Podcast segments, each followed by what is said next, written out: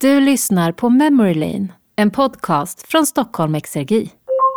Hej, jag heter John Mellqvist och har tagit på mig uppgiften att skapa en mer positiv attityd till ålder.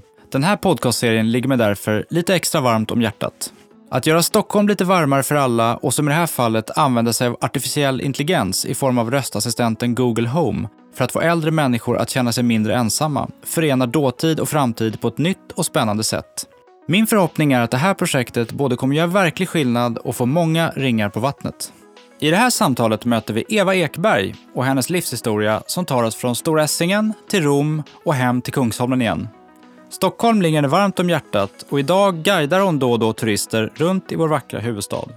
Men hur var det att växa upp i en stor familj på Essingen? Och hur var det att gifta sig och bosätta sig ett stenkast ifrån Colosseum? Eva har en fascinerande livshistoria som hon här delar med sig av i samtalet mellan henne och vår unika röstassistent Memory Lane.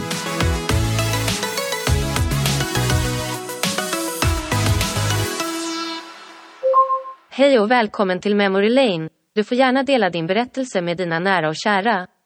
Vill du sätta igång? Det går bra. Vad heter du, hur gammal är du och var är du uppvuxen? Hej, jag heter Eva, jag är 75 år gammal och jag är född i en väldigt stor familj på Storessingen. Vad gjorde dina föräldrar när du var liten? Mamma jobbade på posten och pappa var journalist. Man fick ju arbeta hos pappa på somrarna och hjälpa till. Eh, det fanns en gammal man på hans jobb som det kallas för grågosse. Han var pensionär och det är han som hjälpte. Då gick man till tryckeriet. Det är inte som idag. Där det är såna små bitar med ABC och så sätter de ihop. Och så ska man ju läsa korrektur och se att det stämmer. Och då när den här mannen var ledig på somrarna, det kanske var sex veckor, då jobbade jag ofta hos pappa. Men det konstiga är att det bara var jag. Min lilla syster som är journalist, blev det sen då, hon var inte där. Så att det var en annan relation på något sätt. Och mamma arbetade väldigt länge på Stockholm 1, Vasagatan. Det där huset är ju nu till regeringen, någonting, något departement. Så att ja, när man var riktigt liten, då var hon i Fredhäll. Och då fick vi komma dit och hålla på och stämpla och ha oss. Det var väldigt roligt. Såna papper och blanketter och sådär. Mamma är från en, vad ska jag säga, lite finare familj. Och eh, då skulle man utbilda sig till sjuksköterska eller jobba på posten. Det var liksom fint. Hennes syster var sjuksköterska. Däremot pappa är en mycket mer fattig familj från Luleå. Och hans far dog när han var fyra år. Och sen så träffades hans mamma då en ny man som sen adopterade honom och han fick syskon. Men eh, pappa var väldigt auktoritär. Hur var Stockholm då? För det första tycker jag att när man föds på en ö, då får man en identitet. Och den här identiteten, det här med att bo på Stressingen, nu är det liksom fint. När man säger åh, jag bodde då tycker folk att det är fint. Men så var det inte då. Det var ju liksom normalt. Och eh, Lilla Essingen var mera en arbetarstadsdel med ganska trångt. Och de barnen kom till vår skola sen när de skulle gå i trean. Så att de gick ettan och tvåan där och så trean och så. Fast det var inte så här att man kände i skolan att vi och dem. Det tycker jag nog inte. Men det kom liksom in nya barn då i trean. Ja, vi var så stor familj. Det är väldigt speciellt. Ja, det var ju trångt såklart, men, men det, det, det var det i de flesta familjer på den tiden. Jag vet det att eh, när man, jag är nummer fyra av de här fem, och det har man läst om i tidningen och sådär, att för varje barn som föds så blir det mindre och mindre uppmärksamhet. Men jag var väldigt, väldigt liten, så att jag fick ligga i en kuvös i en vecka och i och med att mamma hade fått många barn så fick jag komma hem efter en vecka, annars skulle man hållit kvar med mer. Men hon var liksom van och sådär. Och trots att det var mitt i, ja, i augusti så fick hon lov att tända ugnen och ha den öppen för de skulle byta på mig. Och fetvadd och grejer så här. Nu är jag inte så smal längre. Men just det här, alltså jag är medveten om att jag fick mer omvårdnad. Så att eh, det är liksom en skillnad på min äldsta bror och på mig. Man, man, man märker det, att vi har fått mer. Har du varit tillbaka på gatan? Ja, nu är det så här att när mina föräldrar gick i pension, 72 var väl det, då fick min moster ta över den här lägenheten. Och så gifte hon sig samtidigt för att hon var tillsammans med en man. Hon var väl lite över 50 då. Ja, jag kan räkna ut hur mycket hon var, men i alla fall. Sen har hon bott där. Hon blir nästan 100. Så att den här lägenheten har på något sätt varit i vår släkt i nästan 80 år. Och när hon bodde kvar där då, då var man ju där. Och jag hjälpte ju till så jättemycket med henne och jag gick och handlade och sådär. Fast nu avled hon 2018, alldeles efter sin hundraårsdag. Är det stora Essingen som är hemma för dig? Det är ju många saker som är hemma. Men nu är det ju här tycker jag. Fast jag är ju väldigt hemma i centrala Rom. Berätta om hur du hamnade i Rom. Ja, första gången då var jag 21. Jag skulle vara barnflicka i en familj som hade två pojkar i 8 och 10 år. Så hade de en nyfödd bebis, hon var väl sedan nio månader. Och först åkte mamman och jag ner och de hade ett litet hus i Ligurien, uppe i bergen. Vi åkte tåg. Det var bara hon och jag då, så de tre barnen. Och eh, sen efter en månad så kom hennes man ner. Och då blev det inte lika trevligt längre och sen skilde de sig senare. Det var ju tråkigt. Men det blev som en annan stämning hemma när, när han var med. Men i alla fall, jag var alltså där nere i två månader. Och de typ sista 14 dagarna så råkade jag på en italienare som heter Marco. Och sen, sen blev det han i 30 år. Vad betyder Rom för dig idag? Det är väldigt förändrat. Um, jag har ju mina barnbarn där. Ja, det, det, jag måste säga att de här åren när jag var där, det var nästan de bästa av Italiens år. Att det var liksom lite uppgång så här och ekonomiskt och det. Hur skiljer sig Rom ifrån Kungsholmen? Oj! Ja, men det är ju ett annat land. Sen kan man, tycker jag det är lite märkligt när man tänker efter att kulturutbudet i, i Stockholm är ju otroligt stort. Och en sån stor stad som Rom med en sån väldigt gammal historia, de har inte alls samma intressanta utställningar och museer och saker som händer. Och de satsar väl inte pengar heller på samma sätt som Sveriges regering gör kanske. Ser du dig själv som romare eller stockholmare? Jag tror faktiskt att jag är bägge delarna. Det, det, det är väldigt lätt att slå över det språket också. Liksom av misstag så, så kan det komma så här. Jag tycker att när man har levt så där länge i ett annat land och det var ett väldigt italienskt liv. Jag pratade italienska, jag jobbade på en fackförening mitt i politiken. Och eh, det är som att ha två liv. Och det här är på något sätt den tredje delen nu när jag har kommit tillbaka till Sverige. Hur skiljer sig din italienska familj och din svenska familj? Det här med att liksom alla träffas och att det är hela stora familjer och sådär. Det har inte jag upplevt så mycket för att min, min man han är enda barnet och hans föräldrar var skilda. Så att det var inte så där, sån där sammanhållning där. Men man hjälper ju väldigt mycket i familjen. Man hjälper barnen ekonomiskt. Och, för att det är mycket svårare att få ett jobb och skaffa lägenhet. Och, och sen, jag vet faktiskt inte ifall de börjar med pappaledighet och sånt. Det, om det kommer, om det är liksom på väg. Så att det är mycket mer jämställt i Sverige. Särskilt då era generationer som är, det tror jag, mycket mer jämställt. Hur är livet som pensionär? ja, det, man får göra vad man vill. Men, ja, sen börjar det lite ont här och där och man funderar på vad händer sen? Man känner sig gammal. Man tycker, framförallt tycker jag att det är väldigt konstigt att jag är 75 år. Jag känner mig inte som 75. Man känner sig som 14. Hur är det att åldras? Ja, nu fyllde jag ju 75 i somras. Jag hade världens roligaste fest. Jag hyrde en båt. Vi åkte ut mot Drottningholm och musik och dansa och, och sen så åt vi här hemma. Hela, fullt med, med bord här inne. Och det var så kul att mina syskon kom, även min, jag har en halvbror också, han är född 32. Så jag fick tjata lite för att han skulle hänga med, med hans, med hans fru. Och så min son och mina barnbarn. Men sen efteråt då, och så hade alla åkt. Och man, jag tycker att jag funderar väldigt mycket på döden. Jag har en kamrat som har blivit änka förra året. Min svägerska är troligtvis allvarligt sjuk. Ja, jag tycker man gör det. Du har varit guide. Hur blev du det? Ja, varför? Det var, det var nog ganska tidigt jag började på strömma. Jag kommer faktiskt inte ihåg varför jag kom på det. Så fick man gå en kurs. Och på Strömma var det väldigt kul för att man åker buss eller båt Och så har man liksom alla samlade så här. Och det är det människor från alla möjliga länder. Och det är väldigt blandat. Och eh, det är liksom vanligt folk. Så det är väldigt trevliga människor att göra med. Sen har jag haft italienska kryssningsfartyg. Costa, bland annat, som heter. Och då är det alltså bara italienare och det är mycket lättare. Man har inga svårigheter med... Och man förstår sig på folk på ett annat sätt än om de kommer från andra länder som jag inte känner till lika mycket. Men de var ofta lite malliga. Sådär. De kom där med sitt kryssningsfartyg. Och, så, så, det var som att man hade med andra människor att göra.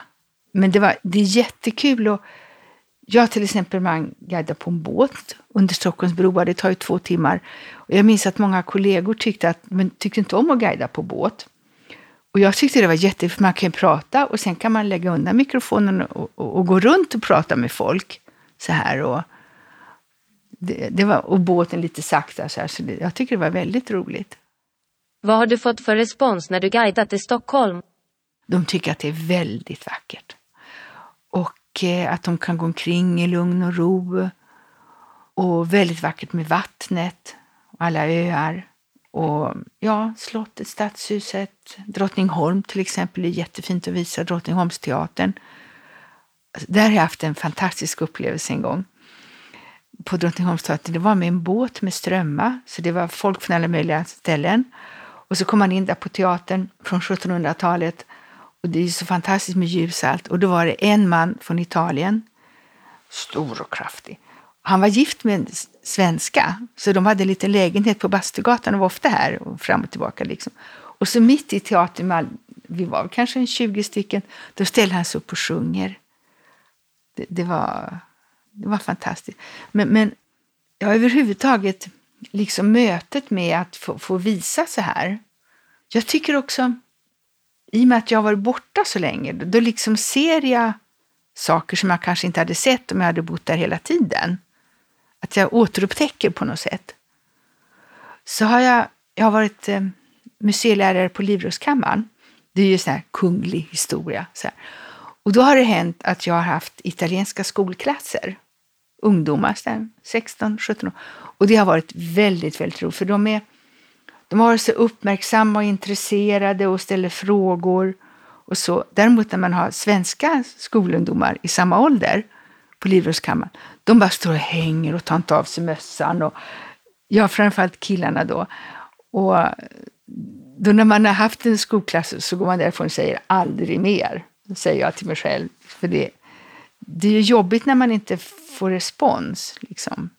Men, men det var väldigt kul att jobba där. Och repetera Sveriges historia. Jag tycker också att överhuvudtaget historieintresse kommer lite med åldern kanske. Vad gillar du med Kungsholmen? Ja, det är väldigt nära. Om man ska in till stan, man kan promenera och till Gamla stan, och man ska med tåget eller sådär. Just här omkring har vi väldigt många mataffärer. Det är väldigt mycket konkurrens och låga priser, måste jag säga, om man jämför med andra ställen. Och så är jag med i Kungsholmens kultur och hembygdsförening. Jag är med i styrelsen. Det finns ju hembygdsföreningar i hela Sverige. Och eh, de har olika aktiviteter och det är inte alltid på Kungsholmen för det är svårt att hitta på just här. Nu till exempel i januari ska vi gå, eller var det början på februari måste det vara. Vi ska gå på Judiska museet på en visning. Jag har visat Stadshuset för den föreningen. Och eh, det är olika aktiviteter. Så, så har man eh, adventsfirande och det är lite drygt hundra personer som är med där. Och de flesta är ju lite äldre, tyvärr kan man säga. Men det är lite roligt tycker jag att man har hembygdsföreningar, inte bara i Dalarna eller Hälsingland, utan det, det är någonting som gäller liksom hela Sverige. Har Kungsholmen förändrats mycket de här åren? I sådana fall tror jag att det är mera jag som har förändrats. Om man tycker att jag är lite lugnare och har blivit äldre och sådär. Det är klart, de bygger ju borta i Hornsberg till exempel. Och dit är också lagom att cykla och, och käka lunch eller sådär. Eller om man är ute och promenerar kan man ta den vägen också så här på vintern. Vi, vi cyklar inte på vintern. Vad har du lärt dig av livet? Jag har haft förmånen att ha möjligheten att gå i terapi när jag bodde i Italien. Och jag hade varit sjuk och, och, min man stöttade mig inte. Och, och det var så på soffan, freudiansk terapi, två gånger i veckan i åtta år. Och det, det har ju förändrat mig. Man, man ser saker också. Inte bara i sig själv. Ja, man kanske får någon sorts eh, möjlighet att tänka över sin barndom och förlåta det som var att förlåta och sådana saker och försöka förstå. Har ditt barndoms Stockholm förändrats? Ja, men det, det, jag är 75 år. Men, men vi var ju mycket fattigare då. Men man låste inte dörren. Och det var inga portlås och såna grejer, det var ju öppet. Och farmor, hon gick, dörren, dörren var öppen, ingen hemma. Och så kände man väl alla på gatan sådär. Nu, ja, nu är vi bara två stycken i en jättestor lägenhet. Och sen är det nog lite stressigt. Jag tror att det är stressigt för de som jobbar och ja. Men det är, väl, det är väl inte bara Stockholm, det är väl, och inte bara i Sverige kanske. Vad gör dig glad? Det är nog väldigt mycket. Ja, ifall det går bra med min son och barnbarnen. Um, med Lennart. Vi har varit ihop i eh, 25 år nu. Vi träffades nere i Italien. Alltså man kan bli glad för att solen skiner, det, det är jättemycket. Eller för att eh, någon ringer och... Ja.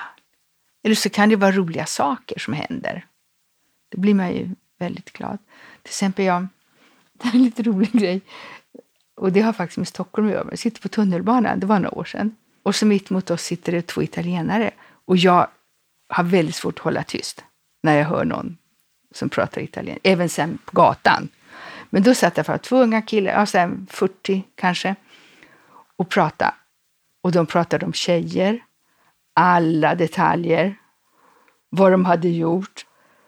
Och jag satt alldeles tyst. Och sen när vi kom till Skärholmen sa de, på hela tiden såklart på italienska, är det inte här Ikea ligger? Och då sa jag, ifall ni ska till Ikea så är det här rätt hållplats. Och de blev alldeles röda och liksom skämdes. Och så här, för då hade jag suttit och lyssnat på deras snuskigheter hela resan.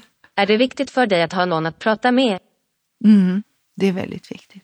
Och jag har vänner i Italien. Vi har en här liten grupp på mobilen på WhatsApp som vi skriver och stöttar varandra. en del är lite äldre än jag. Mm. Ensamhet, är det något du funderar på? Ja, det är jag väldigt rädd för. Alldeles för rädd. Eh, till exempel igår så var Lennart eh, ute med sin son och tittade på en lägenhet. Han funderar på att skaffa lite större. Och så gick de hem till honom och åt efteråt. Och, så, och, och det är inget problem, liksom. det kan ju vara skönt att vara ensam hemma ibland också. Men sen så liksom går jag här och får den där känslan hjälp. Det är sånt man tänker på, tycker jag. Att det kan hända honom någonting. Och, och, fast det så, så sa jag också till mig själv, det är så knäppt. Alltså, nu är jag här och det är jag och Lennart och vi har det lugnt och skönt och sådär. Varför ska jag hålla på och förstöra med sådana här dumma tankar? Det kan väl vänta med tills, om det nu eventuellt skulle hända. Då kan jag väl vänta tills dess istället. Jag vet inte om man håller på att förbereda sig. Eller för att min väldigt nära vän har blivit ensam än förra året. Och just den här kompisen till mig, hon har två döttrar och barnbarn i Stockholm och allt och hon är läkare, pensionär såklart. Och man tycker liksom att hon ska klara av sånt här mycket bättre än alla andra. Men när det gäller känslor så är vi ju lika sårbara allihopa. Det, det är vi ju. I alla fall om man har känslor och har kontakt med sitt känsloliv och sådär. Mm. Tack för att du har delat din livshistoria. Jag har inga fler frågor just nu. Hej då.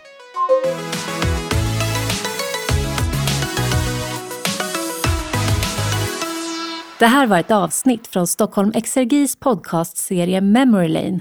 Du kan lyssna på fler avsnitt med livshistorier på stockholmexergi.se memorylane eller i din favoritpoddapp. Memory Lane produceras av Accenture Interactive i samarbete med Lexter Ljuddesign.